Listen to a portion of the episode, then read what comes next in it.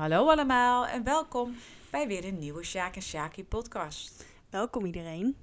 En eh, ook jij welkom weer, Sjaki. Ja, en jij ook? Sjaak. Vandaag gaan we het hebben over echtscheiding of eigenlijk gescheiden ouders. Ja, goed onderwerp om over te hebben, denk ik. Ja, jij bent, eh, ik denk dat er zijn natuurlijk heel veel jongeren met gescheiden ouders. Ja. En jij bent er ook eentje van? Ja, jij niet hè? Nee, ik ben een oudje zonder gescheiden ouders. Nou, het is wel heel fijn dat jij, ehm, ja, dat, dat je dat niet hebt. Dus, want er zijn tegenwoordig heel weinig inderdaad mensen die bij elkaar blijven. Ja. Voor zo'n lange tijd. Kijk, ik ben natuurlijk wel, ik heb wel, je, jouw vader is wel mijn tweede man, dus ik, eh, ik heb wel een huwelijk achter de rug. En ik ben natuurlijk jullie bonusmoeder. Ja. En bonus dus altijd tussen haakjes. Ja. Ehm, dus ik kan van de zijlijn wel meepraten over, ehm, Oh ja. over eh, gescheiden ouders. En eh, nou ja, in ieder geval vanuit de positie als bonusmoeder. Ja, inderdaad. De nieuwe vrouw van. Nou, zo zie ik dat niet meer hoor. Ehm, maar het lijkt mij eh, mooi, Shaki, om terug te gaan naar het moment dat er in het eh, kleine meisjeshoofd van Shaki nog niets aan de hand was. En Ja. Shaki eh, gewoon een, eh, een, nou ja, wat ik al zeg, een klein eh, Shaki was die gewoon met haar papa en mama hier woonde. En, en hun leventje leidde volgens de kleine Shaki. Hoe kan, kan jij daar nog iets van terughalen? Van, van terug herinneren hoe dat was hier met, met je vader en je moeder en, en je zus? Nou, ik kan me heel weinig herinneren. Ik kan me wel dingen herinneren, gewoon eh, momentjes. Ehm, dat zijn vooral de momentjes in de zomer. We waren altijd heel veel buiten in de tuin met allemaal spullen en zo. In de, in, in de zomer stond de tuin altijd gewoon allemaal vol met allemaal spullen en zo. Ik weet niet waarom dat is, maar dat is wat ik herinner. En wat voor spullen? Ja, gewoon eh, sp- ja, speelspullen voor ons bijvoorbeeld. En eh, nou, tafel met, al- met ja, gewoon spullen eigenlijk die je ook binnen gebruikt. Maar dan stond dat altijd buiten of zo. Ik, ja. Een soort buitenleven, zeg maar. Ja, En wat voor contact had jij? Kun je dat nog herinneren? Hoe, hoe keek jij naar je moeder? Ehm, nou, dat is een goede vraag. Want ik heb in die tijd. ehm, ik was heel erg jong. Ik weet niet precies hoe oud ik was. Maar ik kan me niet per se een gevoel herinneren of een connectie echt met mijn moeder of mijn vader. Op dat moment. Je was op zeven jaar oud, was je toen? Nee, Ja? zeven? Nee, je was... Ik denk iets jonger nog. Nee, nee, nee. Je was niet jonger. Voordat je bent van alles... 97? Nee, ben er van 99. Oh, jij bent van 90? Oh, wat erg. Nee, dat maakt niet is uit. van 97. Ja. ja, je bent van 99. Ja, en, en eh, je ouders zijn uit elkaar gegaan in 2006? 2006. Ja. Dus je Dus, was eh, zeven. Nou, die tijd daar, ja, ik kan me niet zo. Ik, ik kan, ik kan niet een connectie nu terughalen of een gevoel of naar hun of zo. Eh, Een verbindenis die ik, ik weet niet meer hoe ik dat zo gevoeld heb. Maar heb je... Ik, ik, ik, was, ik was er gewoon. Ik, zei, ik was gewoon aanwezig. Ja. Zo voelt het nu.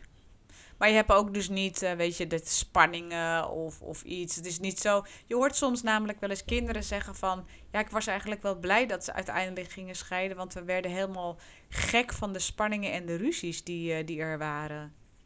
Ja, dat hoor je inderdaad veel. Maar ik heb dat totaal niet meegekregen. Fijn. Ja. Ja, maar dat kan ook, dat zou ook dus kunnen betekenen dat toen jouw ouders uit elkaar gingen. dat het ook als een verrassing kwam. Nou, ja. Ik, voor mij kwam het wel als een verrassing. En ik vond het heel gek. Ik weet niet meer zo goed. Ehm, ja, ik, ik heb niet het gevoel dat ik er echt naar gevraagd heb waarom of zo. Ik liet het eigenlijk wel een beetje gebeuren. Want voor mijn gevoel kwam het echt één, of op andere dag. En toen moesten we weg en dat was het of zo. Het was een beetje een gekke, chaotische, haastige situatie, kan ik me herinneren. Ja. Oké. En dan, dus eigenlijk liet je het een beetje gewoon, liet je gewoon, ja, je was nogmaals hartstikke jong, maar je liet het eigenlijk gewoon een beetje gebeuren. Van oké, nou dan gaan we nu kennelijk ergens anders wonen. Ja. Ja, ja eigenlijk dat wel, ja. En hoe was het dan om, om dan niet meer eh, altijd je papa om je heen te hebben? Kun je dat nog herinneren? Ja, ik moet wel zeggen dat het wel heel erg lastig was. Vooral in het begin. Um, ik, ik had wel altijd een. Ik trok wel wat meer naar mijn moeder toe, maar. Um, ik vond het wel heel erg moeilijk om inderdaad mijn vader niet meer in de buurt te hebben. Dan hoe vaak dat, dat het eerst was. Mm um, ja, ik, ja, ik weet niet. Ik, ik, ik heb daar niet per se heel erg met mijn moeder over gepraat. Toen niet? Nee, totaal niet. Heeft zij zelf ook nooit, heeft zij zelf het gesprek ook nooit ge, Nee. Ze ooit eigenlijk aan jullie uitgelegd toen jullie nog zo jong waren, überhaupt uitgelegd waarom, waarom, ze, waarom ze wegging? Um, even denken. Dat hoef je niet te vertellen trouwens op, op, uh, in de podcast hoor, maar alleen maar heeft ze de reden genoemd. Heb je erover gepraat? Volgens mij hebben ze het wel genoemd. Echt een keer tussen neus en lippen door. Van, uh, ja, jullie merken nu wel dat we weg zijn. Dit en dit is het. En volgens mij was het echt redelijk oppervlakkig. En hield ze het ook eh, soepel of, of luchtig, omdat we misschien nog jong waren. Ik heb geen idee wat de reden was, maar... Maar je hebt het dus eigenlijk niet, als ik, als ik het zo begrijp, heb je die periode niet als, als direct heel heftig ervaren. Nee, het was gewoon allemaal wel een beetje gek. En, en um, ja, hoe zeg je dat? Um, ja, gewoon een chaotische periode. En uh, gewoon niet. Uh, je snapt het niet, maar ik heb het niet per se als heel pijnlijk of um, gek of zo verdrietig ervaren. Nou ja, dat, nogmaals, dat is eigenlijk alleen maar goed. Het tekent ook wel een beetje wie jij bent. Mm wij hebben jou, uh, je vader en ik hebben jou wel eens vergeleken met een kat. En je zus met een hond. Een hond begint te piepen en te janken uh, als hij uit zijn natuurlijke omgeving wordt gehaald. En heeft heel erg veel moeite, vaak wat langer moeite om aan een nieuwe situatie te wennen. Ehm, niet altijd, maar vaker. En een kat die zegt gewoon: Ik zoek gewoon de beste plek en ik, ik, ik voeg me naar de plek waar ik dan ben, zeg maar. Hoe zeg je dat? Ik, uh, ja, je, gewoon, je, je past je snel aan een nieuwe situatie, denk ik. Ja, maar je kiest ook, je, je, je maakt ook het beste van, van, de, van de. Dat doe je nog steeds. Je maakt het beste van, van de situatie die zich voordoet. Ja. Ja, ben ik wel blij omdat ik dat in me heb, dat ik dat snel doe. Niet bewust, maar toch merk ik het inderdaad nu op latere leeftijd wel dat ik dat dat ik dingen snel gewoon, oké, het is nu wat het is. Eens is het makkelijker om te accepteren dan de andere keren. Maar toch probeer ik het inderdaad waar ik wel gewoon goed te, te maken voor mezelf.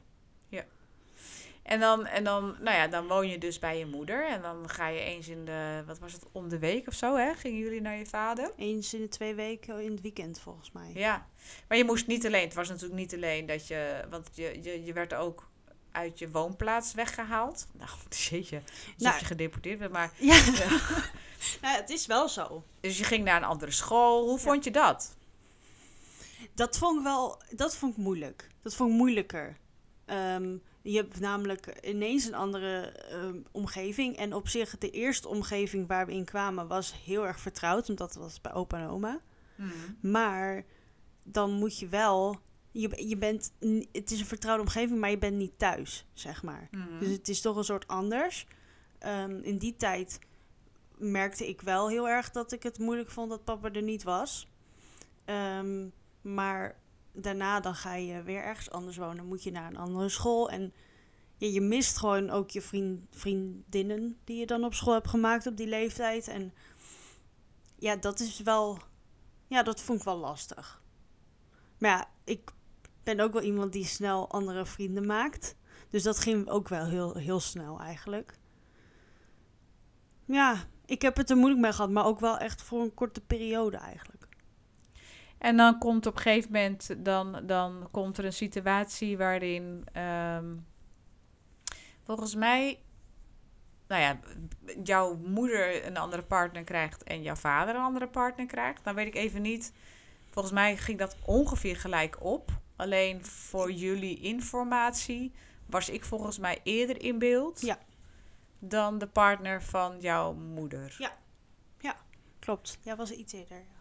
Hoe, hoe, hoe is dat eigenlijk gegaan? Hoe heb jij dat ervaren? Dus hoe ben je daarachter gekomen? Dat vind ik, Nou. heb ik eigenlijk nooit aan je gevraagd. Nou ja, ik moet je heel eerlijk zeggen, dat is heel toevallig dat we het er nu over hebben. Want ik eh, ben een paar, of twee weken geleden, ben ik begonnen een soort van boek te schrijven Mhm. over deze hele situatie. Oké, mooi. Ja, en eh, vind ik wel lastig te verwoorden in een boek. Maar ik doe mijn best. Het heeft gewoon tijd. Ja. Alleen, eh, nou ja. ehm, ja, de, eh, de, de hoe ik erachter kwam toen jij er was, dat was het gewoon. Ja, het was heel erg leuk. Het was spannend, heel spannend. ja, vond ik wel echt heel spannend. Want wij waren hier eh, bij papa in het weekend volgens mij. Ja, maar dat was, dat, heb je het nu over de eerste ontmoeting? Ja, Oh ja, maar ik, ik vind het eigenlijk nog leuker, want die eerste ontmoeting, dat, die, dat, dat, dat mag je zo vertellen. Dat Ja. was inderdaad, le- vond ik ook leuk trouwens. maar je hoort eigenlijk meer van de eerste keer dat papa dan vertelt, hé hey, yo eh chickies, eh, ik heb een. eh, ik heb een nieuw chickie. ehm, Ik heb een nieuw kippetje.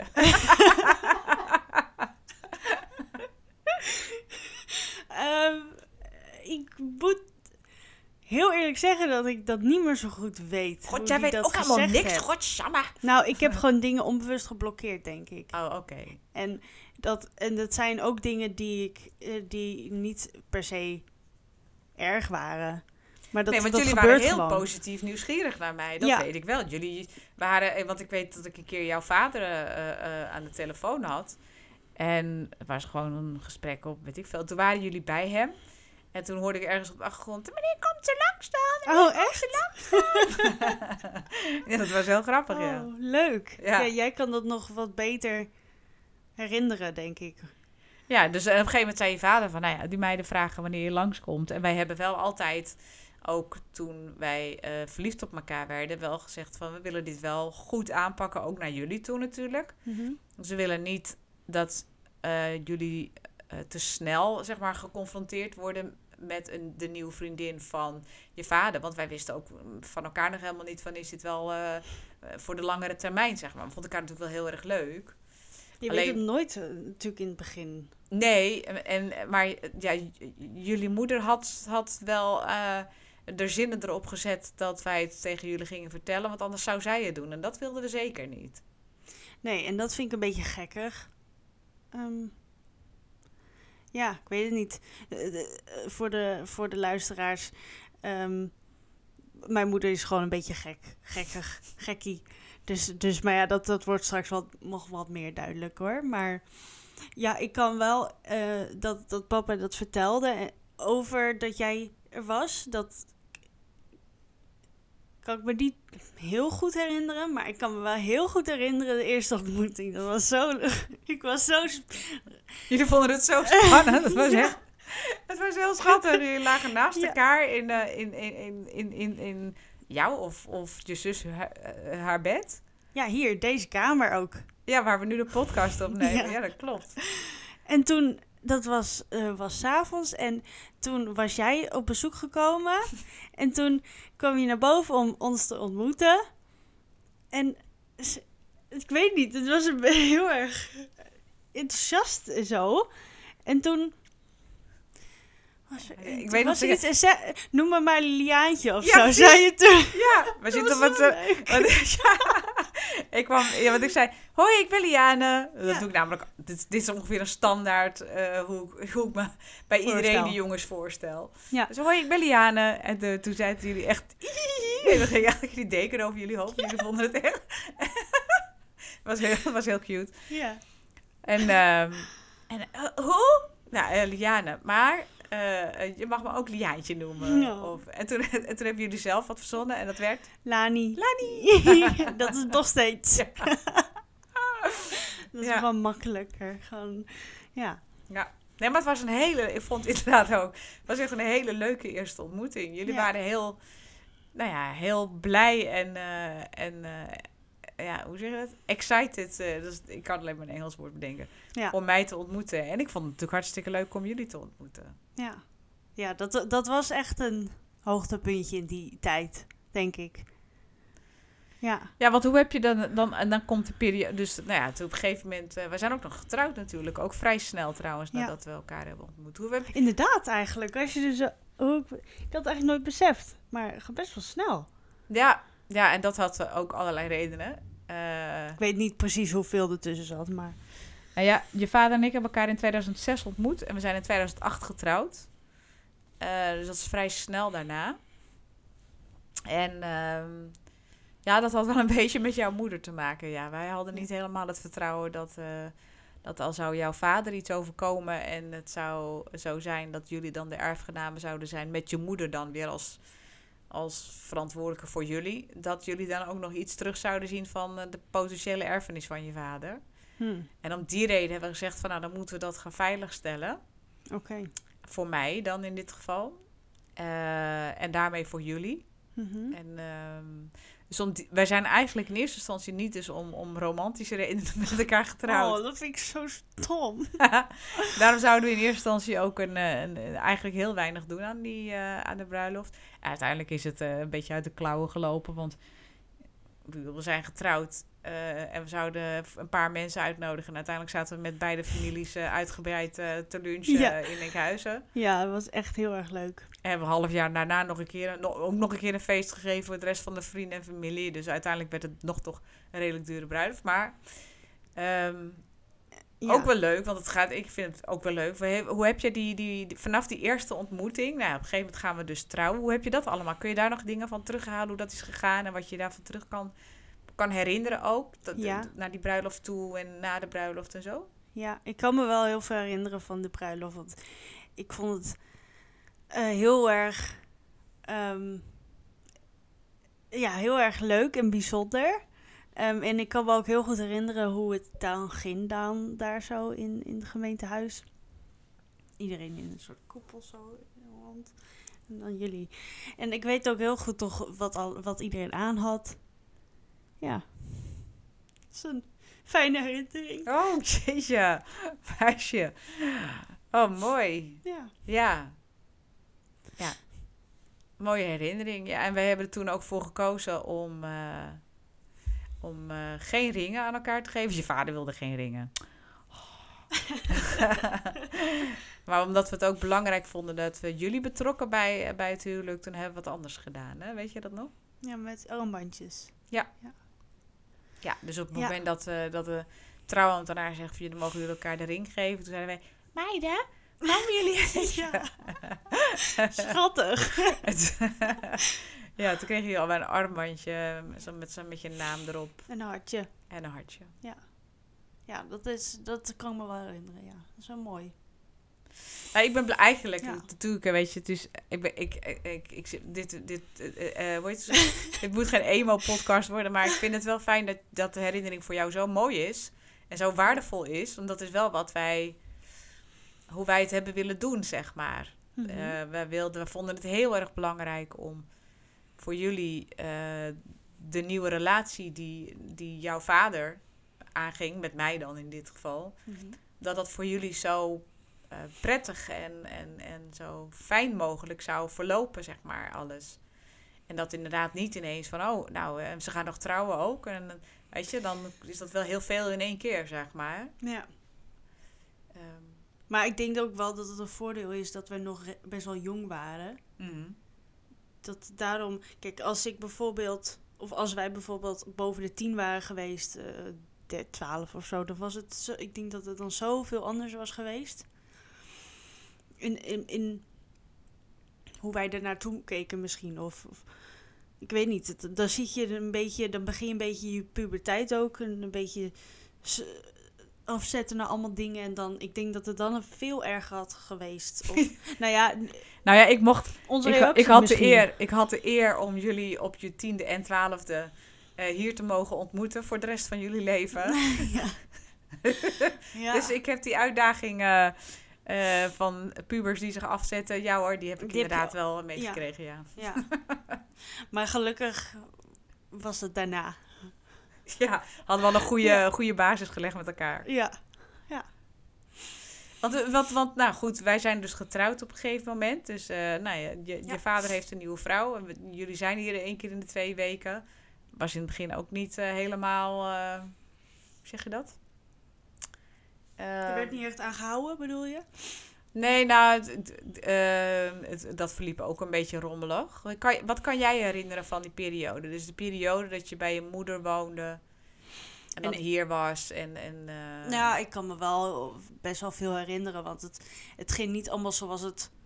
Of ik vond dat niet fijn, zeg maar. Ik vond het een beetje te weinig, Te weinig wat? om, dat we hier waren. Oké. Maar ik kan me ook herinneren, ja, ik weet niet zo goed. ehm, ik vond het gewoon, eh, ehm, als we bijvoorbeeld hier waren geweest, gingen we wat leuke dingen doen. En we waren gewoon echt met z'n, met, met elkaar. En ehm, het is gewoon heel liefvol. En dan ga je dan weer terug naar, ging ik terug naar mijn moeder. En dan was het echt ineens heel erg anders. Waarom was het anders? Nou, omdat... de- Zonder al te veel details voor de... Want, want ik, wil- ik wil... Ik, sorry, maar dat, laten we deze spelregel afs- afspreken... dat we mensen die er niet bij zijn... wel eh, een soort van... voor- zover dat mogelijk is... met respect behandelen, oké? Ja, is goed. ja, nou, gewoon... Het was gewoon een hele andere manier van met elkaar omgaan. Ja. Dat was het gewoon. Ja. Gewoon een heel groot verschil tussen twee werelden. En dat, dat vond ik heel lastig. Want ik voelde me meer aangetrokken tot een bepaalde omgang dan de ander. En ehm, ja. Ja, ik, ik weet niet. Het was gewoon... eh, een beetje gekkig. Ja. Gek gevoel heb ik erbij. Ja. En dan komt op een gegeven moment het moment dat, ehm, dat jullie hier gaan komen wonen. Ja. Dat heeft natuurlijk, dat is niet van de een op de andere dag. Nee, nee, er kwam best wel veel voor, van vooraf. eh.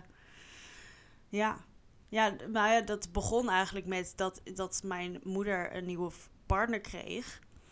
En die eerste ontmoeting, dat was dat ik thuis kwam van school en ze waren iets met de computer of zo. Geen idee, het was heel gek en eh, nou ja, op zich wel gewoon normaal eh, voorgesteld. En toen was het allemaal prima. Maar sindsdien is het allemaal gewoon een beetje allemaal gek gelopen en heel snel bergafwaarts gegaan. Ehm, waardoor wij inderdaad hier kwamen wonen. ja, dit is de hele versnelde versie moet- van... eh, Ik moet even bedenken hoe ik het inderdaad allemaal respectvol moet gaan verwoorden, want ik vind dat echt heel erg moeilijk. dat is dan duidelijk, dan, dan weet iedereen waarom ik misschien te vaak eh, zeg. ja. Maar eh, ja, Ja, nee, ja, waarom zeg ik dat met respectvol? Want ja, zij kunnen zich natuurlijk niet verdedigen. En dat zou niet helemaal Nee. eerlijk zijn. nee, dat klopt. Ehm, en naast het feit dat we, eh, denk ik, sowieso, weet je, we zitten in een goede place nu. Hoe zeg je Ja. dat? We, zijn, eh, we, we hebben het goed met elkaar. Ehm, dus, ehm, ehm, ja. nou, ja, dat- er is ook geen reden voor natuurlijk. Nee, is geen reden om te, om, om te, laten we zeggen, er is geen reden om te bashen de pijn en het verdriet aan, aan beide kanten. Want zij Mhm. hebben een prachtbaar, zij, zij heeft een, een, hele mooie jaren met, met haar eh, eh, twee beauties eh, moeten missen. Ja. En ik denk dat dat gaat ze nooit meer terugkrijgen. Dus t- laten we zeggen, als, als we het hebben over heeft iemand zijn, zijn ehm, straf. Ja, vind ik ook weer zo'n zo'n woord. Maar Ja, gewoon de consequentie van je daden, denk ik. ja, precies. Die consequentie, dat, dat is iets waar zij altijd mee zal moeten leven. En eh, ik denk dat dat, eh, dat dat al heftig genoeg is, zeg maar. Ja, zeker. Toch? Ja. Eh, maar toch, ik ga toch wel toch even naar het moment van, van nou ja, dan op een gegeven moment is de situatie wel zodanig dat wij in ieder geval zagen van nou, dat gaat niet de goede kant op bij je moeder thuis. Mhm. Voelt niet meer als veilig. Ja. Ehm, Dat vooral, ja. ja, en, ehm, en, en gelukkig eh, eh, durfde jouw zus het aan om, eh, om thuis bij, tegen jouw moeder te vertellen van ik wil bij papa gaan wonen. Ja. Ehm, eh, als de oudste natuurlijk ook van jullie twee. Dus dat is ook Echt heel dapper. heel dapper inderdaad. Daar heeft ze achteraf nog wel eens het gevoel van gehad van ja, maar als dat de, cons- als de consequentie was, wat, wat de consequentie was, had ik het misschien wel nooit gedaan. En namelijk, hè, dus alle, dat, nou ja, de manier waarop jullie uiteindelijk bij ons zijn komen wonen dan vooral. Maar uh, van achteren kijk je koe in zijn kont, zeg je wel eens. Ja, ja is altijd zo. Wat mij betreft uh, heeft ze een heldendaad verricht. Zeker. En, uh, had het niet beter kunnen, kunnen uitpakken voor jullie, denk ik. Maar dan krijg je dus die hele situatie rondom, nou ja, eh, jouw zus die dus zegt ik wil bij papa wonen. Uh, wij denken, yes, dit was het moment waar we op zaten te wachten om jullie in een, een betere omgeving te kunnen krijgen. En dan wordt er uh, moeilijk gedaan. En toen was, nou ja, de veronderstelling was in ieder geval, uh, ja, de een wil wel, maar Shaki, die, die, gaat, die wil niet hoor. Ja. En wat deed Shaki toen? Nou, ik zeg, ik zeg, ik wil niet kiezen. Ik wil bij jullie allebei wonen. Ja. Ja, waarom zou ik moeten kiezen? Ja. ja. Ik, ik, dat is geen keuze, hè? Nee, nee. En ik, ik was eigenlijk, hoe nuchter ik het nu net zeg, zo zei ik het toen ook. Want ik, ja, ik snap het allemaal niet. Wat moet ik nou? Uh, ja. Ja, en even voor de, voor de beeldvorming. Um, de nieuwe vriend van mijn moeder had toen ook een dochter en die woonde toen ook bij ons. En um, ja, die was eigenlijk ook altijd. En daar had ik altijd wel gewoon een goede band mee. En, um, maar we waren dus met z'n vijven altijd, uh, als, er, als er iets werd gezegd of werd besloten of zo, of werd gepraat over dingen, waren we eigenlijk allemaal bij elkaar. Dus op dat moment was ook iedereen erbij. En nou, de sfeer was er niet heel fijn toen. Maar um, ja, ik, ik, ik hoorde wel, of ik zag wel veel verwarring bij iedereen toen ik dat zei. Ja. Behalve bij mijn zus. Ja, die snapte mij natuurlijk wel. Maar de rest eigenlijk niet. Ja. En uh, de consequentie van uh, jouw uh, super eerlijke antwoord. en godzijdank hadden wij de dag daarvoor ook al tegen je moeder gezegd... maakt, maakt Sjaki niet uit waar ze woont. Als ze maar te, we zeiden toen ook al, het is net een kat, als ze maar te vreten krijgt, dan blijft ze wel. Ja, ja nou ja, dat is gewoon zo. Maar ja, dat werd ook wel een stukje minder. Ja, tot te vreten kreeg je ook niet helemaal. Nee, nee dus ik raakte er al redelijk uh, klaar mee. Maar ja, zo jong ga je dat natuurlijk niet. Weet je, je blijft trouw aan je moeder of je vader. Tuurlijk. En, en dat is maar goed ook. Hoe slecht de, ja, weet je, maar hoe slecht de omstandigheden dan zijn, ga je nooit ga je nooit zeggen van... Kijk... Ja, maar het is een onmogelijke keuze, hè? Tuurlijk. En ik, daarom vind ik het ook heel dapper van mijn zus. Want um, zij had het ook nooit willen doen of kiezen. Maar zij was wel... Zij was ouder, twee jaar ouder als ik. Dus zij besefte dingen veel meer. Zij, zij heeft een ander karakter, een andere persoonlijkheid als ik. Dus zij kon dingen wat meer rationeler bekijken. En daarom vind ik het heel goed dat zij uiteindelijk wel toch zichzelf heeft ge gezet tot een bepaalde keuze tussen hun, tussen hun twee.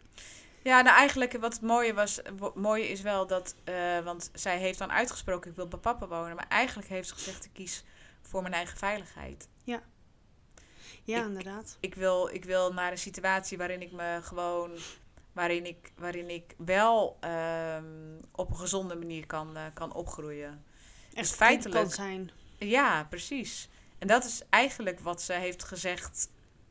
Dus dat is eigenlijk de vertaling. Want kijk, voor het is de bedoeling in dat soort situaties dat wij als volwassenen de vertaling maken van wat het kind eigenlijk zegt. En, um, en, en ja, jouw moeder was daar niet toe in staat op dat moment. Die, die was meer van, ja, als je niet bij me woont, dan ben je tegen mij. En dan, en dan sodemiet je maar op. Want dat is ongeveer wat er is gebeurd, toch? Ja, ja letterlijk eigenlijk. Zaterdagavond zaten jullie aan tafel te praten. Zondagochtend stonden jullie aan de deur. Ja. Ja. Ja, dat ging heel snel. dat ging heel het ging snel. echt bizar snel. Ja. Ik weet dat jouw vader en ik hier in... Ik stond, ik stond de was op te hangen. Dat was een, een paar dagen daarvoor stond ik hier in de tuin de was op te hangen. Ik moest heel erg huilen, omdat ik heel erg met jullie begaan was. En ik dat gaat helemaal niet goed. En toen had jouw zus had dus gezegd dat ik wil bij papa wonen.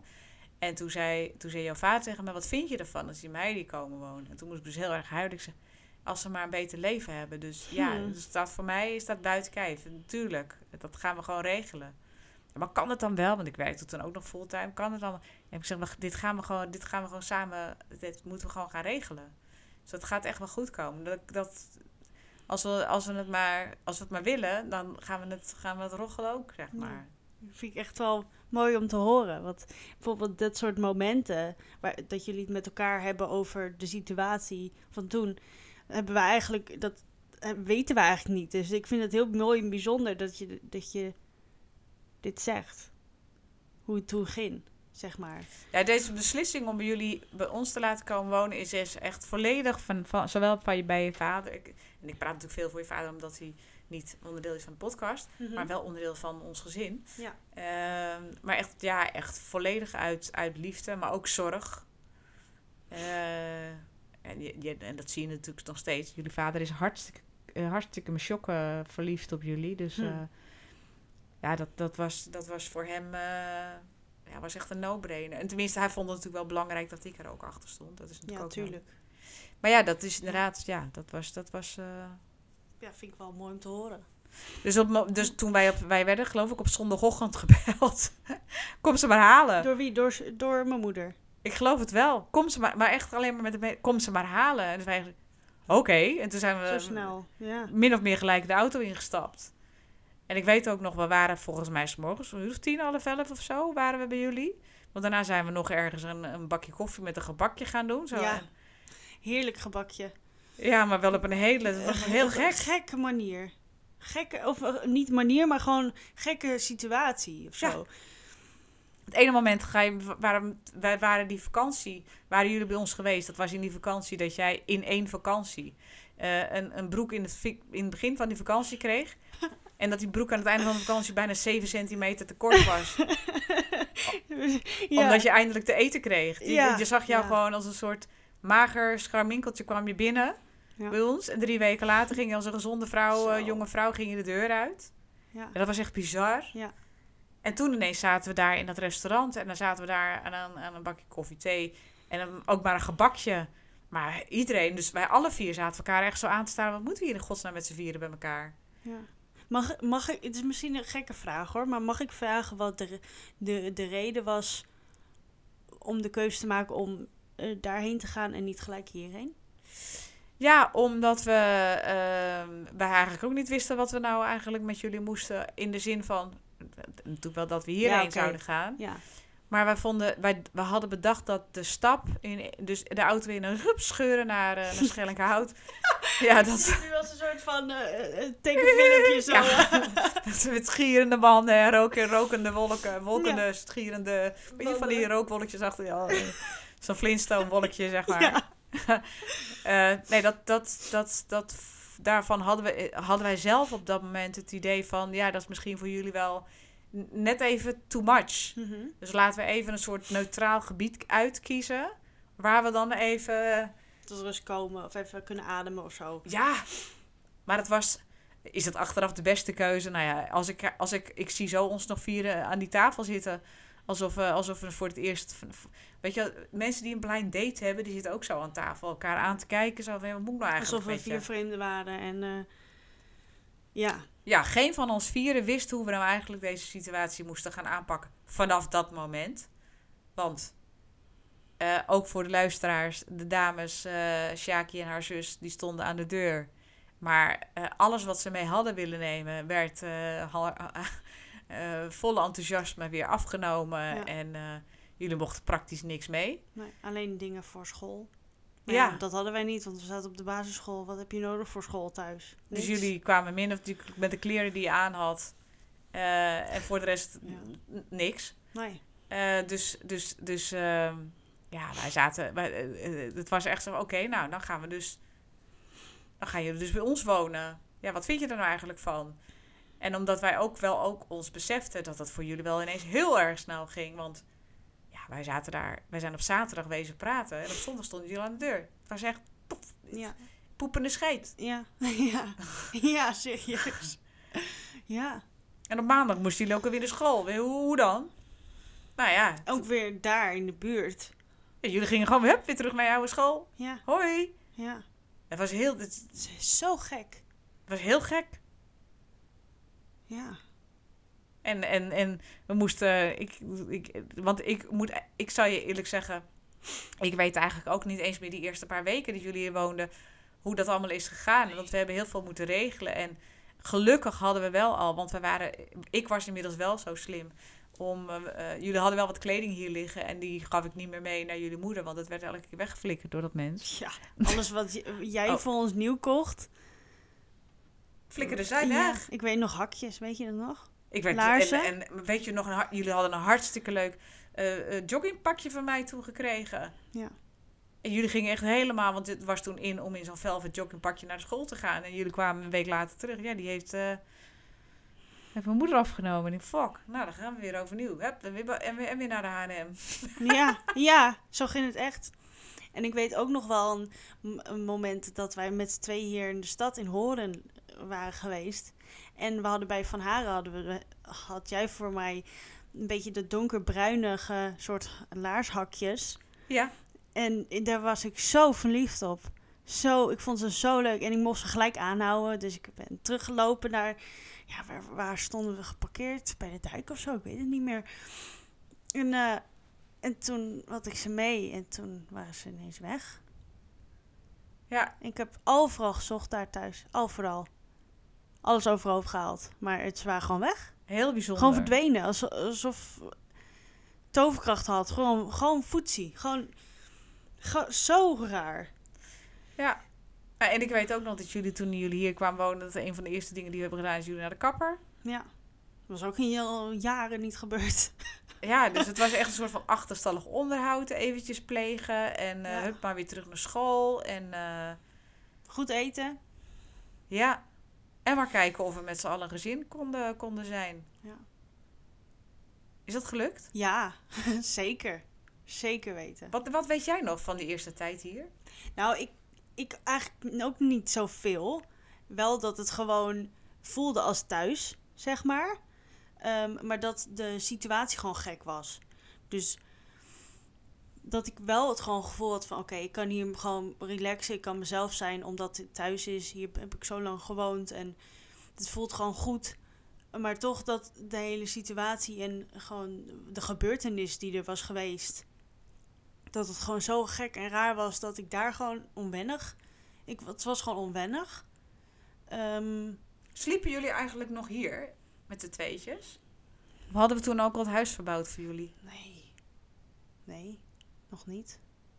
Het was toen nog helemaal zoals het was.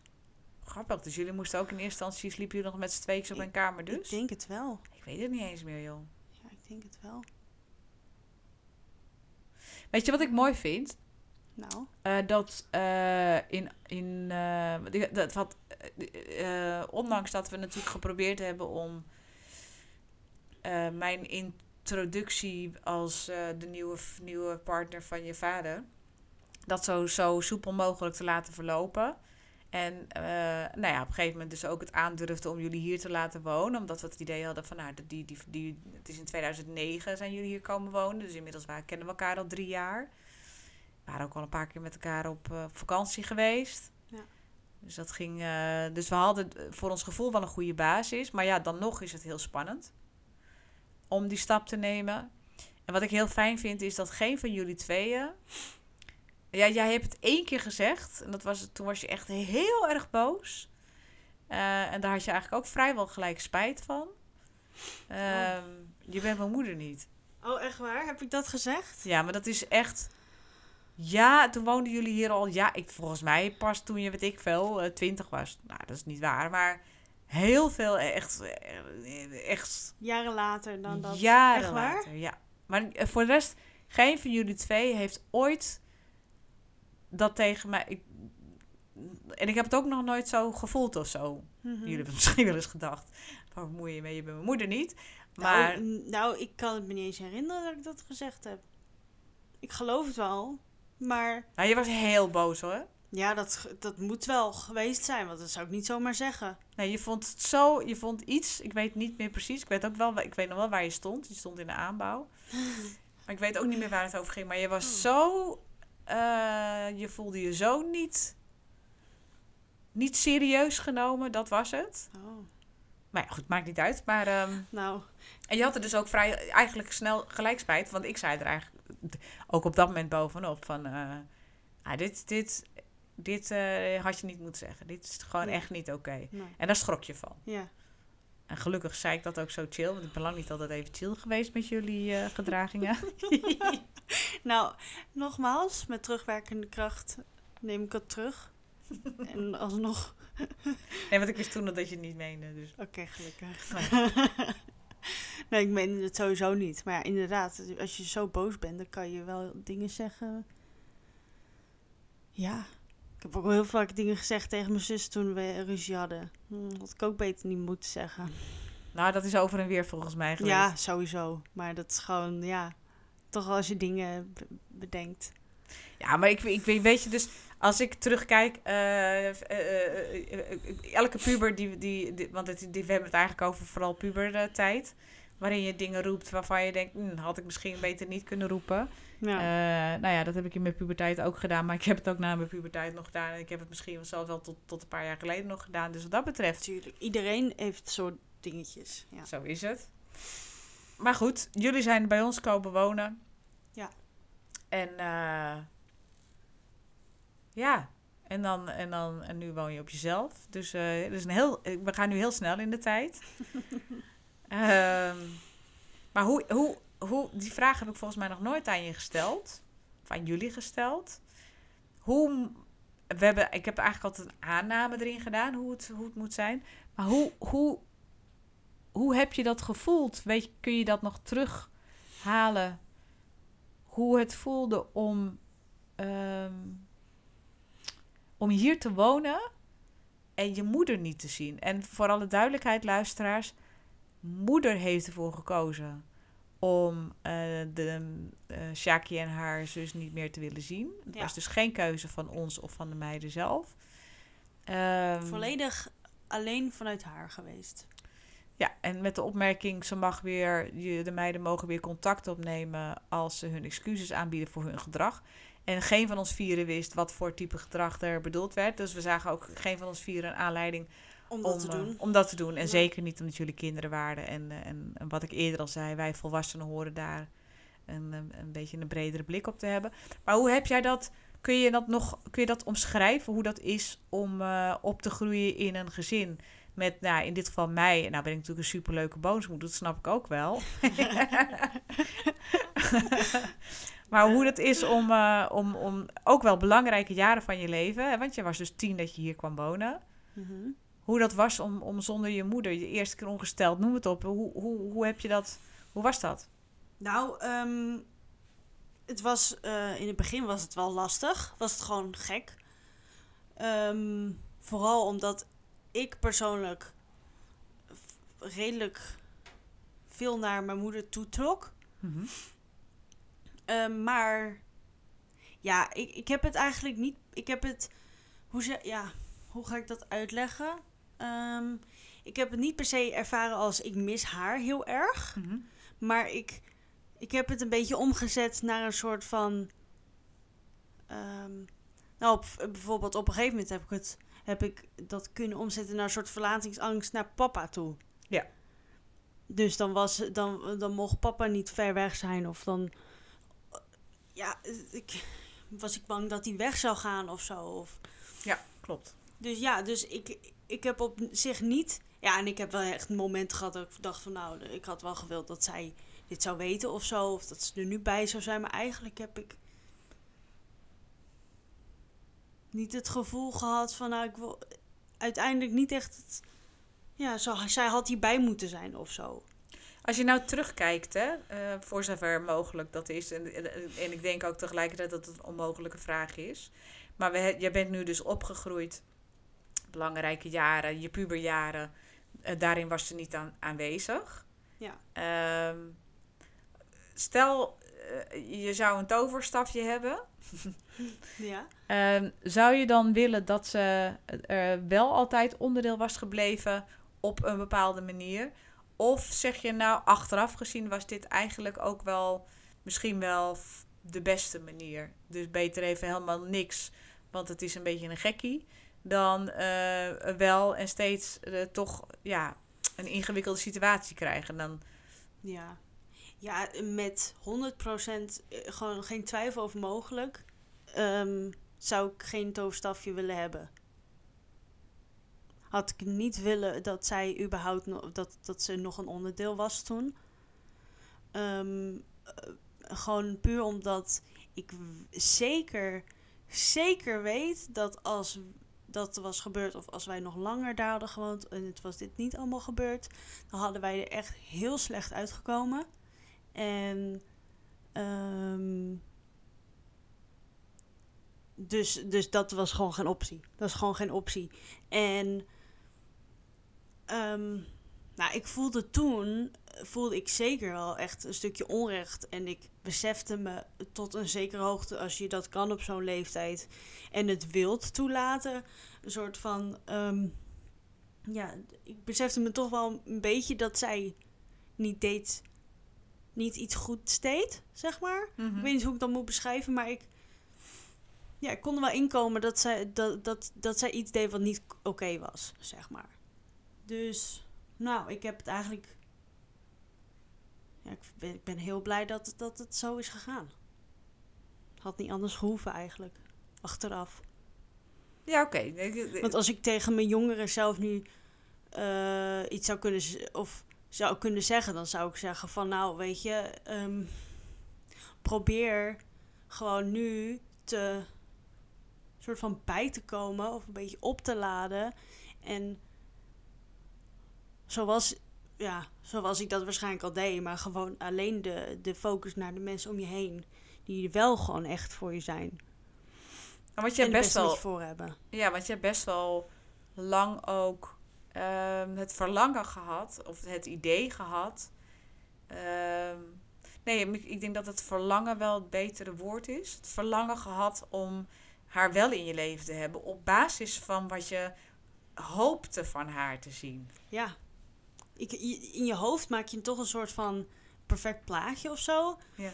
En dan hoop je inderdaad, of je, je hebt inderdaad een soort verlangen van, oké, iets, in theorie of in praktijk, in theorie zou het zo horen te zijn. En dat is niet gebeurd en, en toch wel een soort van gek, ik wil wel weten. En, en, dus in de tussentijd heb ik wel contact met haar gehad. En ik, ben, ik heb haar ontmoet en zo. En elke keer is er een teleurstelling geweest. En ehm, ja, één keer heb ik dat stiekem gedaan. En dat heb, daar heb ik nu echt nog steeds heel veel spijt van. Ik besefte me toen totaal de gevaren niet die erbij zaten. Want er zaten echt grote gevaren bij. En dat is best bizar dat ik dat niet zag. Ehm, Nou, het- ook toen was je nog steeds piepjong, hè? En, ja, oké, eh, maar... je handelde vanuit verlangen. Dus ik... ik, ik, ik ehm, Ja, maar weet je wat? Het is toch wel een beetje gek, want we hebben hier altijd er heel open over gepraat. Ja. Jullie hebben ons altijd gezegd van als je contact wil zoeken of whatever, dan moet je dat zeggen. En dat kan gewoon en het is niet erg en we kunnen je daarbij helpen. En toch doe ik dat niet. En dat vind ik toch best wel gek van mezelf. Ehm, misschien omdat ik me toch op een of andere manier een soort van schaamde op dat moment dat ik het toch wel echt wilde. Ik weet niet zo goed wat de reden was. Het is. Ik snap het even niet waarom ik dat niet deed. Want het was, het was een heel open onderwerp. Ja, maar ik, Altijd. Ik- Want ik wilde je net vragen, hoe, hoe heb jij mijn rol in jouw leven, als je dat kunt terughalen, hè? Van, eh, dus kijk, ik, ik weet hoe je nu, eh, wat, je, wat we nu voor elkaar voelen. Ja. Maar dat is wel gegroeid. Dus als je dat nou eens terughaalt naar toen ik in je leven kwam, tot het moment dat jij toen die eerste keer con- contact met je moeder zocht, wat eigenlijk helemaal niet zo heel handig was om dat zonder ons te doen. Dus in wel, hoe zat je er toen in, ook ten opzichte van mij? Ehm, met andere woorden, misschien dat je al meer, en dat ga ik, ik ben het nu aan het invullen. Nee, nee, ga eerst maar antwoord geven, want anders ga ik het invullen. Dat is ook niet handig. Ehm, nou, op, op dat moment zat ik sowieso op in een soort periode waardoor ik toen ik heel veel stiekem deed. Ik, ik, ik, ik zat niet goed in mijn vel, maar ja, weet je, je bent puber, je hebt vrienden die je ook een beetje beïnvloeden en zo. Dus dan ga je ook gewoon, wil je gewoon niet luisteren. Mhm. En dan. ehm, toen had ik daarom ook niet echt per se het gevoel van. Ja. ehm, hoe zeg je dat? Ik had, het, ik had naar papa op dat moment wel een soort van schuldgevoel. En dat is heel gek. En naar jou had ik dat minder. Omdat. ehm, jij er toen. Je zat er echt middenin. Alleen mijn gevoel zei op dat moment een klein deel van: hé, hey, zij staat er soort, nog steeds een soort van buiten of zo. Mhm. En het is een beetje gekke, gekke gedachte. Ik, weet ook niet hoe ik het het best moet beschrijven. Ik denk dat dit een beetje het makkelijkst is. Mm, maar ik dacht van, ja, weet je, dit is wat ik wil doen. Dus het maakt me eigenlijk helemaal niet uit. Maar eigenlijk is het toch Hoe- heel, heel normaal? Ja, oké, maar Nou, bekend, je bent puber, hè? dus het zijn een paar dingen. Je bent puber. Je hebt een soort verlangen eh, om. om hè? Dus eigenlijk is de situatie zoals die is, namelijk dat je bij je vader woont eh, en dat je je moeder niet ziet. Dat is een situatie waar je niet. eh, dat is niet een situatie waar jij als kind voor kiest. Ook je zus niet als kind voor kiest. Hè? Dus je kunt wel bij je vader willen wonen, maar daarmee zeg je niet: ik wil niet meer jou, ik wil mijn moeder niet meer zien. nee. Nou, dan kiest je moeder ervoor om wel te zeggen van... nou, doe je tot de dokie, ik hoef je even niet meer te zien. Ja. Ehm, dan kom je dus in de nieuwe gezinssituatie. En iedereen in de puberteit is, is, is dingen aan het uitproberen. En als jij zegt van... Hè, dus, en voelt een bepaalde afstand naar zijn ouders toe... En dan helemaal, ik snap dat helemaal hoor. En helemaal naar, naar, naar de vriendin of de nieuwe vrouw van je vader. Waar je, hè, dus nogmaals, het verlangen naar, naar, naar, naar je moeder. En het niet kunnen begrijpen waarom zij niet in je leven is. Ehm, ehm, was, weet ik ook toen bij jou nog zo groot. Dat ik heel goed begrijp dat jij ook op dat moment dacht van ja, ik vind, ik vind Liane wat minder interessant in de zin van daar ga ik me niet zo schuldig naar voelen. Ja. Dat snap ik. Vind, Kijk- vind een hele logische. Ja. Want En- ik kan wel goed voor jullie zijn, Mhm. maar die, de, de verbinding die wij nu hebben, dat is iets wat dat moet groeien. Dat Ja. moet groeien. Je moet samen ervaringen maken. En jij moet als kind en ook als puber, en zo kijk ik er in ieder geval naar, ook, ook wel. Kijk, als je moeder je in de steek laat, zo noem, zo noem ik het maar eventjes, dat is heel gek. Dat hoort niet. Nee. Dat vind ik super tegennatuurlijk. Mhm. Dat doet iets met je vertrouwen. Dat doet iets met je. En dat, daar kun je verlatingsangst, bindingsangst. Daar kun je het vertrouwen in mensen in verliezen. Dus voordat je dan een andere vrouw. Want het is, je moeder is ook een vrouw. Voordat je dan het vertrouwen krijgt in een ander vrouwspersoon. Die dan ook moederachtig gedrag aan je laat zien. En zegt: Ja, maar ik, ik ga niet. Dan ga je niet gelijk op vertrouwen van. Nou, dan eh, dat zit dat wel snor. Ja, nee, dan, maar daar moet ook tijd overheen Klopt. gaan. klopt. Alleen, ik had... ehm, ehm, ik had niet zoiets van, ik vertrouw het niet. Alleen, ik had meer zoiets van... Of, kijk, de, de band eh, die ik naar jou voelde, die connectie toen, voelde gewoon heel goed. Gelijk vanaf het begin al. Alleen, omdat ik toen heel erg in een soort van weerstand zat... Mhm. Ehm, ehm, heb ik dat een soort van uitgeschakeld. Ehm, en mijn zin doorgedrijfd, zeg maar. Gedreven, ja. Ja, Dat, nou, dat doe je nog steeds. Dat was ik heel ben ik op zich heel goed in. De aard van het beestje. ja. Maar ik denk dat dat het vooral is. En het is, ik, ja, het is dus zeg maar vanuit een soort van, ja, inderdaad een soort verlangen. En gewoon weten hoe iets is en hoe, ja, dat dat. Ja, Ja. Ik denk, ja, ik, het is een beetje uh, kakkemerig antwoord. Maar ik weet niet zo goed hoe ik het moet. Ja maar het maakt ook niet uit. Ik, eh, heb jij het idee dat je een normale puberteit hebt gehad? Als je het vergelijkt met vriendjes, vriendinnetjes, mensen uit je omgeving. Nou, nee. Nee. Nou, Vertel. nou, op zich, ehm, ik moet je heel eerlijk zeggen dat bijvoorbeeld eh, klasgenoten of vriendinnen die ik had op de, ba- op de ehm, VMBO. Ik moet wel zeggen dat ik eh, wel vaker problemen had dan hun. Dat ik vaker rebels was, meer rebels was dan hun. Dat hun eigenlijk altijd wel prima hadden. eh, gewoon nooit een ruzie met hun ouders of nooit straf kregen of zo, whatever. En dat ik dat wel had. Dus op zich, als het aan, mij, eh, aan mijn gedrag lag, dan ja. Oké. Maar, oké, dus je, je was een, een lastiger puber. Als je nu terugkijkt, zeg je, ik was misschien wel een gemiddeld wat lastiger puber. Dan, dan, dan wat ik om me heen zag gebeuren aan, eh, aan Ja. klasgenootjes en vriendinnetjes. Ik denk het wel. Dat gevoel heb ik wel gehad, ja. En eh, als je dan, als je dan eh, nu kijkt van, nou, je bent nu 24, bijna 25. Ja. Nog maar een paar maandjes. Mhm. Ehm, als, je nou, als je nou ook weer, hè, weer dat welbekende toverstafje, zijn er dan dingen waarvan je zegt: hey, dat, ik, ik, dat had ik, als ik het anders had kunnen doen, had ik het anders gedaan. En nou moest je. ehm, of had ik invloed kunnen hebben op iets, dan had ik die invloed. Hè, als ik het toverst... Want een toverstafje betekent eigenlijk dat je alles kunt doen en alles Ja. kunt creëren. Ja, zeker. Een paar aantal dingen, ja. Momenten of zo, ja. Wat, wat noem eens wat? Ehm, nou, als ik een toverstaf had, dan had ik bijvoorbeeld de momenten dat ik eh, sneaky wegkroop s s'nachts, had ik niet gedaan. Bijvoorbeeld. En waarom niet? Nou, het is gewoon zo ontiegelijk gevaarlijk. Oké, maar dat zag je op dat moment niet. Nee.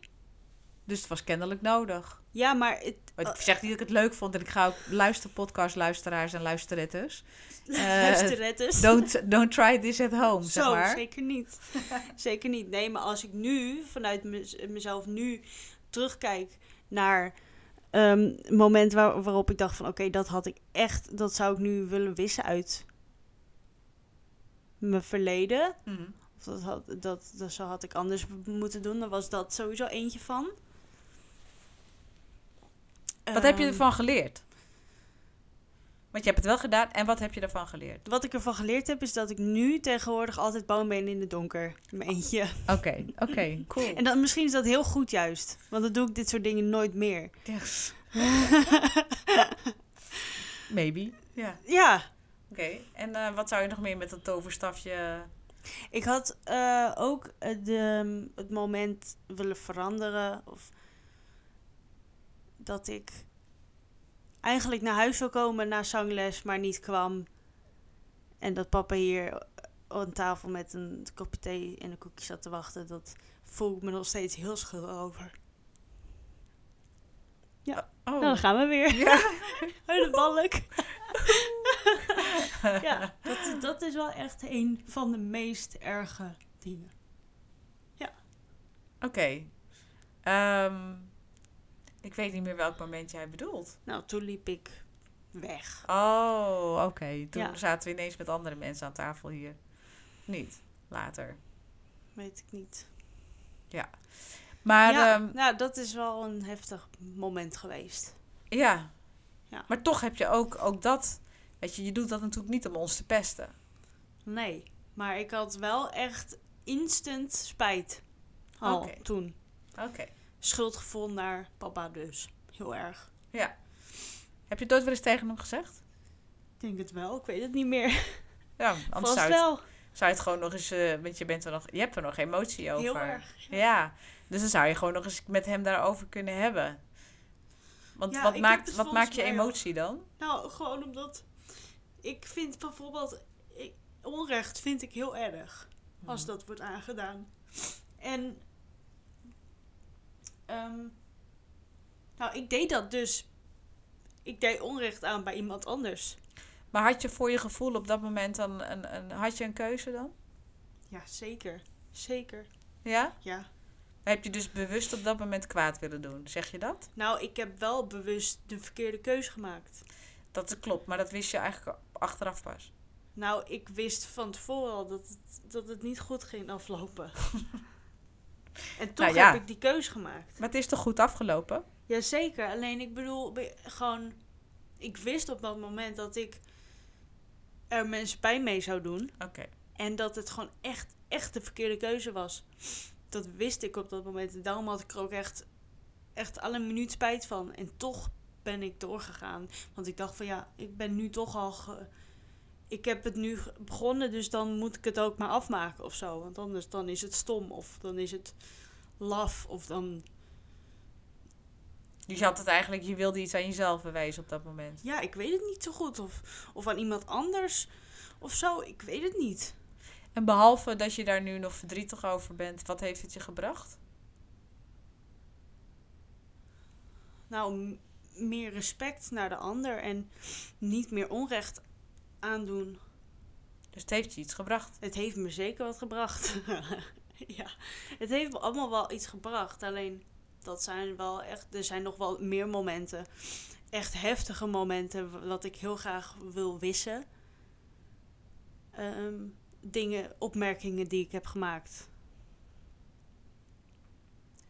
Ja, specifiek naar jullie bijvoorbeeld jou en papa. Dat, ja, dat zijn gewoon dingen. Ook al is het niet in het gezicht of is het over de telefoon. Het is echt heel erg. En ik weet het allemaal nog. Ja, maar ik zou bijna... die opmerking die, ik die jij net voor, die voorstelde, die was ik echt vergeten. En sommige dingen blokkeer je onbewust een beetje, maar ja. Maar zijn dat opmerkingen, Shaki, die um, die je gemaakt hebt vanuit de. Is dat, heeft, heeft, hebben die opmerkingen, denk jij, nu, zoals je hier nu zit, hebben die opmerkingen te maken met je frustratie over het feit dat de situatie ontstond na die echtscheiding zoals de situatie was? Eh, of hebben die opmerkingen vooral te maken met uh, gehad met, joh, ik ben een puber, flikker op, ik uh, beslis wel lekker mijn eigen dingen? Heb je daar enig um, gevoel bij? Nou, um, ik denk dat het 80% eh, inderdaad echt aan de puber ligt. Oké.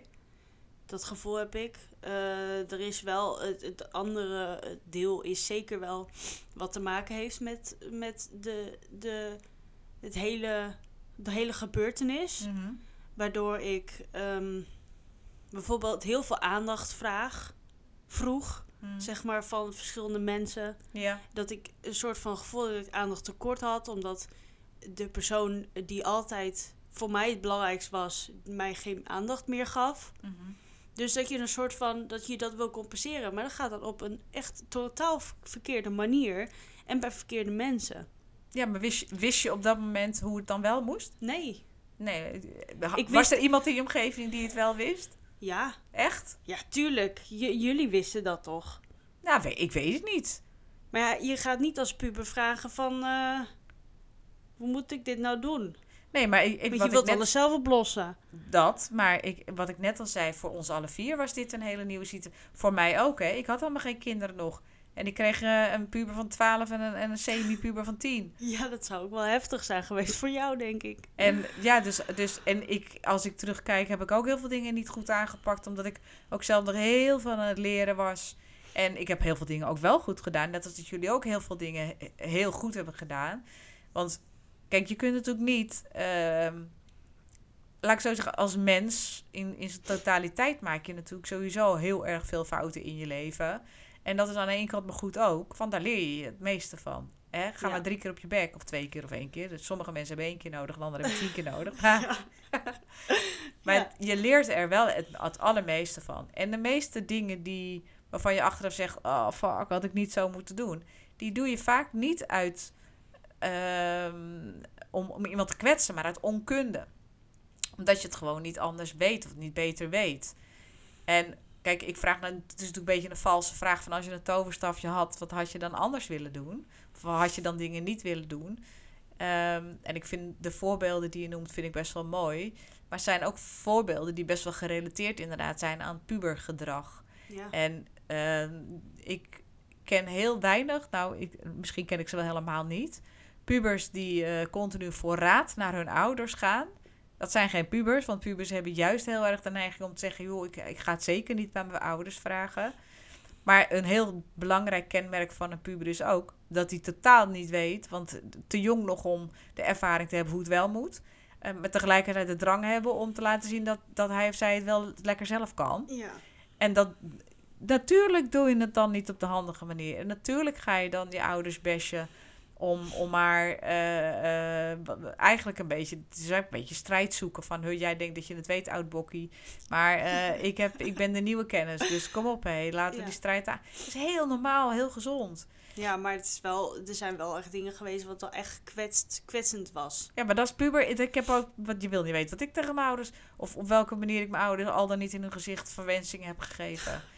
Ik denk oh. dat dat echt gezond pubergedrag is. Kijk, want als ik kijk naar wat is er allemaal goed gegaan. Dus hoe, we hebben, wat ik al zeg, wij zijn eigenlijk vanaf het moment dat jullie hier zijn komen wonen, ehm, zijn wij toch wel vrij snel een, een gezin geworden. Zeker. We, we, zaten eigenlijk altijd met z'n vier aan tafel thuis te eten. Uh, het was eigenlijk altijd gezellig aan tafel. Ja. Altijd wel verhalen delen met elkaar. We hebben veel met elkaar ondernomen, veel vakanties met elkaar gedaan, ook heel veel met elkaar gesproken. En ik, ik vind echt wel dat alle vier, en ook hoe jong, want ja, heel veel onkunde, maar tegelijkertijd zat er bij jullie ook heel veel wil om er met z'n vieren wat goeds van te maken. Dus hoe jong jullie ook waren, jullie hadden wel al de, uh, de wil en de. Hoe noem je dat? De de wilskracht ook. Ehm, om, om, om, uh, om een gezin te vormen. En open te staan, en dat vind ik vooral knap, open te staan voor ook, ook mij. Uh, want ik heb jullie echt mogen opvoeden. Ik heb met jullie discussies mogen voeren. Zonder uh, dat ik continu verwijten kreeg van waar bemoei jij je mee? Nee, jullie accepteerden bijna alles van mij. Um, dus ik kon mij gedragen als een ouder naar jullie. Dat hebben jullie toegelaten. Ja. En dat is knap, vind ik knap. Hmm. Dat is een compliment voor jullie. En dat laat zien dat jullie, dat jullie determined waren, net als dat wij dat waren, dat we met elkaar hebben gevoeld van ja, dit, dit kunnen wij met z'n vieren wel cheffen. Ja. Anders hadden we nu niet deze relatie met elkaar kunnen hebben. Dus. Nee, klopt. Dus we hebben altijd opengestaan voor elkaar. En nogmaals, even los van het pubergedrag wat jullie allebei hebben mogen vertonen, waar we echt ontzettend blij mee zijn geweest. Maar ja, dat, welke ja. ouder is. Welke ouder zegt nu: God, nee, het was zo leuk de puberteit van mijn kinderen? Niemand. nee. Maar ondanks, ondanks de, de, de, de basis en de, en de, nou ja, de, de uitdagingen die jullie mee hebben genomen. Um, en, en ook wel de momenten dat ik af en toe wel eens heb gedacht: ach, Jezus, Liana, uh, Sjaak, had je dit niet anders aan kunnen pakken? Oh ja, heb ik ook heel vaak gedacht. Hm. Um, ja, we, zijn wij wel, zijn wij wel, hebben wij naar elkaar toe altijd liefde en openheid gevoeld. Ja. En, en nogmaals, ik vind dat echt, ja, dat wilde ik zeggen, vanuit, vanuit de basis waar jullie uh, komen, vind ik echt heel bijzonder. Nou, natuurlijk heeft het ook met mijn fijne energie te maken. Alleen, echt 80 procent. Want ja, hè, er, is er, er is altijd één wat, die moet, ermee moet beginnen. Waar het vandaan komt. Ja, dat is je vader. En jij. Ja. Maar um, als ik nu de vraag aan jou terug mag stellen. Mm. Als jij een toverstaf had. Mm. Wat had jij dan in deze, dit avontuur anders willen doen of willen, willen nou ja, als verwijderen of zo. Nee, als ik een toverstafje had gehad, dan had ik gehoopt. De, als, ik het, als ik het had kunnen regisseren, mm dan had ik, uh, had ik jullie liever even een paar, la, een paar jaar later uh, hier laten wonen. En dat heeft niks met jullie te maken. Dat heeft ook niets te maken met, met de tropentijden, de storm die we met elkaar hebben doorstaan. Maar heeft alles te maken met dat jouw vader en ik eigenlijk nog helemaal niet klaar waren om. Uh, hoe zeg je dat? Wij, wij waren elkaar eigenlijk nog een beetje aan het ontdekken. Ja. En, uh, en, en dat ik jouw vader leerde kennen. Ik, die, eigenlijk vanaf begin af aan dat ik hem heb leren kennen, heeft hij stress gevoeld over jullie. Uh, in eerste instantie stress over, over de, nou ja, de niet-ideale situatie die jullie hadden bij, uh, bij je moeder. Um, en toen ineens kwamen jullie hier wonen en toen bleek dat je vader helemaal niet gewend was om kinderen op te voeden. Dat dat toch wel veel op je moeder schouders had gerust. Uh, en toen moesten wij dat eens met z'n tweetjes doen. En, en toen hadden wij, nou ja, wij waren eigenlijk nog bezig om elkaar te ontdekken. En uh, dus als ik al een toverstafje mag inzetten, dan, uh, dan, dan, ja, dan had ik wat langere tijd willen hebben om een goede basis met je vader te leggen. Dat had, dat had in ieder geval de relatie tussen je vader en mij een stuk eenvoudiger gemaakt. Want die heeft wel. Die heeft ook in redelijk heftig vaarwater uh, gevaren. Ja, zeker gevaren, ja. Laten nee. het in, de, in het thema houden. Zeker, maar tegelijkertijd. Um, wat het me, wat het, het heeft me juist, het heeft me veel meer gebracht dan, nou laten we zeggen, gekost. Mm Want het heeft, wat het heeft me gebracht, uh, heel veel uh, inzicht in mezelf. Uh, dus ik heb heel veel over mezelf geleerd. Ik heb heel veel geleerd over hoe, over, over hoe je met mensen het beste kunt omgaan. Over, het heeft me geduld geleerd. Het, ja, dat geloof ik heel erg geduld. Het heeft me denk ik. Het heeft. Het, ja, ik denk wel dat het me heel erg met mijn poten op de grond heeft gezet. Um, en ik heb het, en ik heb het in een eerdere podcast al eens gezegd. Ik, ik heb het echt, echt ook wel heel moeilijk gehad. Dat ik af en toe echt dacht: Jezus, hoe, hoe dan? Hoe gaan. Hoe dan? Weet je, hoe, hoe dan? Hoe gaan we hier met z'n allen uitkomen, zeg maar? Want nou, wat ik al zeg, we hebben wel wat stormen bevaren met z'n allen, maar we hebben het wel steeds met z'n vieren gedaan. Ja. En, uh, en ik denk, ja, ik, wij, wij, wij vieren, vieren elk jaar natuurlijk nog dat jullie bij ons zijn komen wonen. Um, maar ik vind ook echt dat dat gevierd mag worden. Want ik vind ja. wat wij elkaar, en nog steeds, elkaar, en dat heb ik ook in de vorige podcast volgens mij al gezegd, nog steeds elkaar leren. Dus wat ik geleerd heb dankzij jullie en dankzij het feit dat jullie bij ons wilden komen wonen. Ondanks dat jij niet echt hier wilde wonen, maar, maar dat je niet uitmaakt. Nee, dat is een grapje. Dat is een grapje. Weet ik. Um, maar ik zie dat, ik zie dat um, nu, op dit moment, met, met hoe ik vandaag ben, zie ik het wel echt als een geschenk. Ja. Het heeft me ook, weet je, wat dat het me ook heeft gebracht is omdat ik natuurlijk zelf geen kinderen heb gebaard, heb ik door de situatie en door jullie toch ook wel een, dat moedergevoel mogen ontwikkelen. En mag, mag ik dat voelen? En uh, nou ja, ja ik, ben, ik ben heel dankbaar. Ik, stiekem, eigenlijk ben ik dus jouw moeder heel erg dankbaar voor het feit dat ze van padje raakte en. Uh, uh, en uh, en daardoor niet meer in jullie leven was. Want dat heeft mij wel heel erg de ruimte gegeven om, om een band met jullie te maken. En, en, en ons met z'n vieren de ruimte gegeven om een gezin te vormen. En dat zeg ik niet. Hè? Dus het is niet ten koste van haar. Nee, maar ik snap wel wat je bedoelt. Het is niet een vooropgezet plan of zo. Maar het was wel als je naar de situatie totaal kijkt, was dit wel het beste, de beste manier ja om. Uh, ja, was dit wel de beste manier. Ja. Ja. Ik vind het mooi. Ja. Dat je het zo ziet. Ja. Ik ben heel dankbaar. Ja. nou, ik vind het eigenlijk ook wel een mooi uh, einde van de podcast. Ja, krijg ik ook wel. Dan. Uh, ja. Nou, dat was wel een uh, wat heftiger onderwerp vandaag. Maar ik vond het, vind het wel ook wel heel erg. Of ja, leuk is misschien een gek woord. Maar fijn om hier ook gewoon heel erg open over te zijn. Want ja, ik kan me wel voorstellen dat er bijvoorbeeld meerdere mensen met bepaalde gevoelens kampen. Bijvoorbeeld van, dan oh, moet ik nou mijn vader of mijn moeder Weet je, geen enkele situatie is identiek aan elkaar. Maar misschien wel uh, als je gescheiden ouders hebt. Dat je misschien nog het gevoel hebt van, oh, dan moet ik gaan kiezen of zo. Ja. Ja, en, dat zou jij nooit. dan zeggen? Precies. Dat hoeft niet. Nee. nee. Blijf trouw aan de personen waar jij dat naartoe voelt. En, en, en uit het gewoon eerlijk. Weet je, jij als kind kan sowieso niks, niks fout doen. Nee. Nee, je bent gewoon simpelweg kind en het is aan de ouders om. Uh... Jou overkomt het. Ja, klopt. Dat is het gewoon. Ja. Heb je contact met je moeder? Nee. Voor de luisteraars? Nee. En waarom niet? Ik, um, nu momenteel uh, heb ik gewoon echt geen behoefte meer aan. Want het zou wel kunnen, hè? Dat is ook wel goed voor de luisteraars om te weten. Dit, dat dit inmiddels een bewuste keuze is van jouw kant uit. Ja, ik heb contact met haar gehad. Ik heb haar nummer. Dus we, ik kan haar zo elke minuut, als ik wil, een appie sturen. Ik heb haar afgelopen jaar nog wel gesproken. Ehm, maar ik, eh, nee, ik heb daar gewoon echt totaal geen behoefte meer aan. Omdat ik nu zo goed in, in mijn vel zit. En met mijn omgeving. En met bijvoorbeeld jou en pa- papa.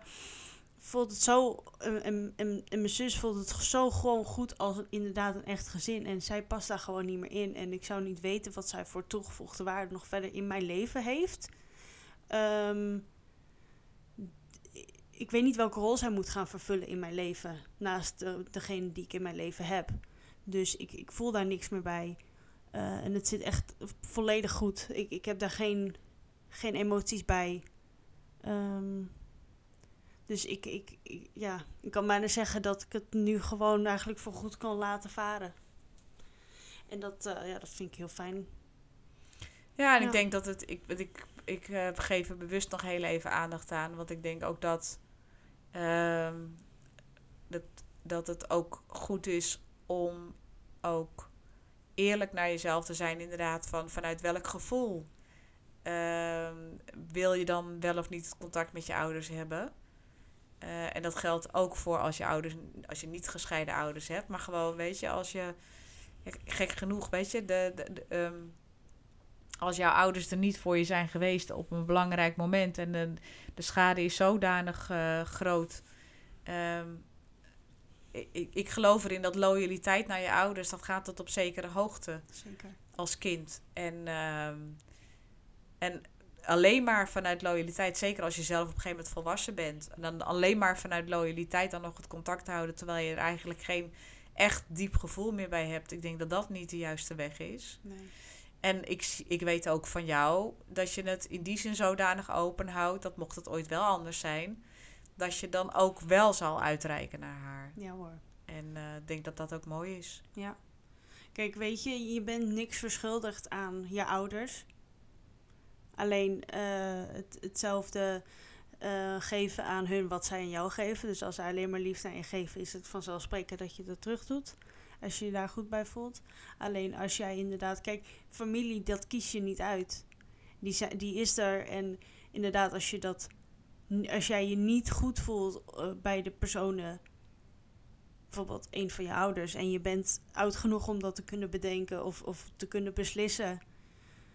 Ja, voel je niet schuldig als je zegt ik heb geen gevoel hierbij of ik wil ik voel het contact die wij hebben voelt gewoon niet goed voor mij. Ik, mijn ontwikkeling stopt hiermee of whatever.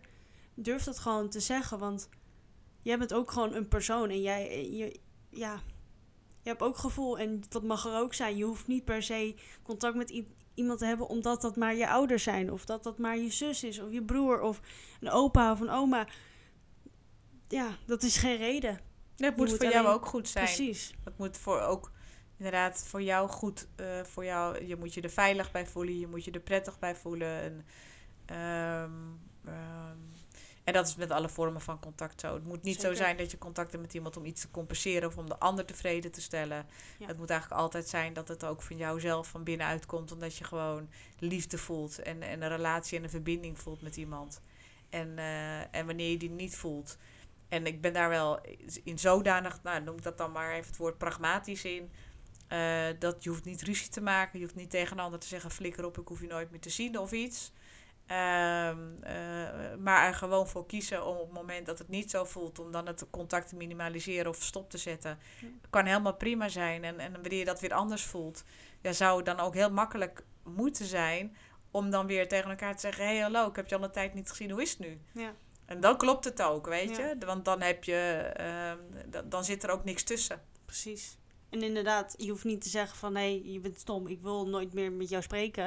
Maar ik kan wel gewoon zeggen van nou, op dat moment voel, voelt het voor mij niet goed om dit contact door te zetten. En wie weet dat het in de toekomst anders is. Dus ik kies nu even voor mezelf of zo. Ja, precies. Ja. Dat, dat, dat, hou- dan hou je het open, hou je het volledig ook bij jezelf. En dan be- beschuldig je ook niemand. Precies. Ja. Dat Mooi. mooi hè? Mooi, Dat ja. heb ik allemaal van jou geleerd. Al die wijze lessen. ja. Toch geluisterd. Ik, ik liet het niet vaak zien, maar ik heb wel geluisterd. Sjaakje, dankjewel schat. Ja, jij ook Sjaak, bedankt. Weer voor je openheid en... Uh, jij ook. Volgens mij moet je je vader zo even een knuffel geven en... Uh, dat ga ik doen. Uh, voor, de, voor die ene keer dat hij hier met thee en koekjes zat op je, op je zat te wachten. Ja, ga ik doen. Oké, okay, dag kus. Doeg. Doei. Doei doei.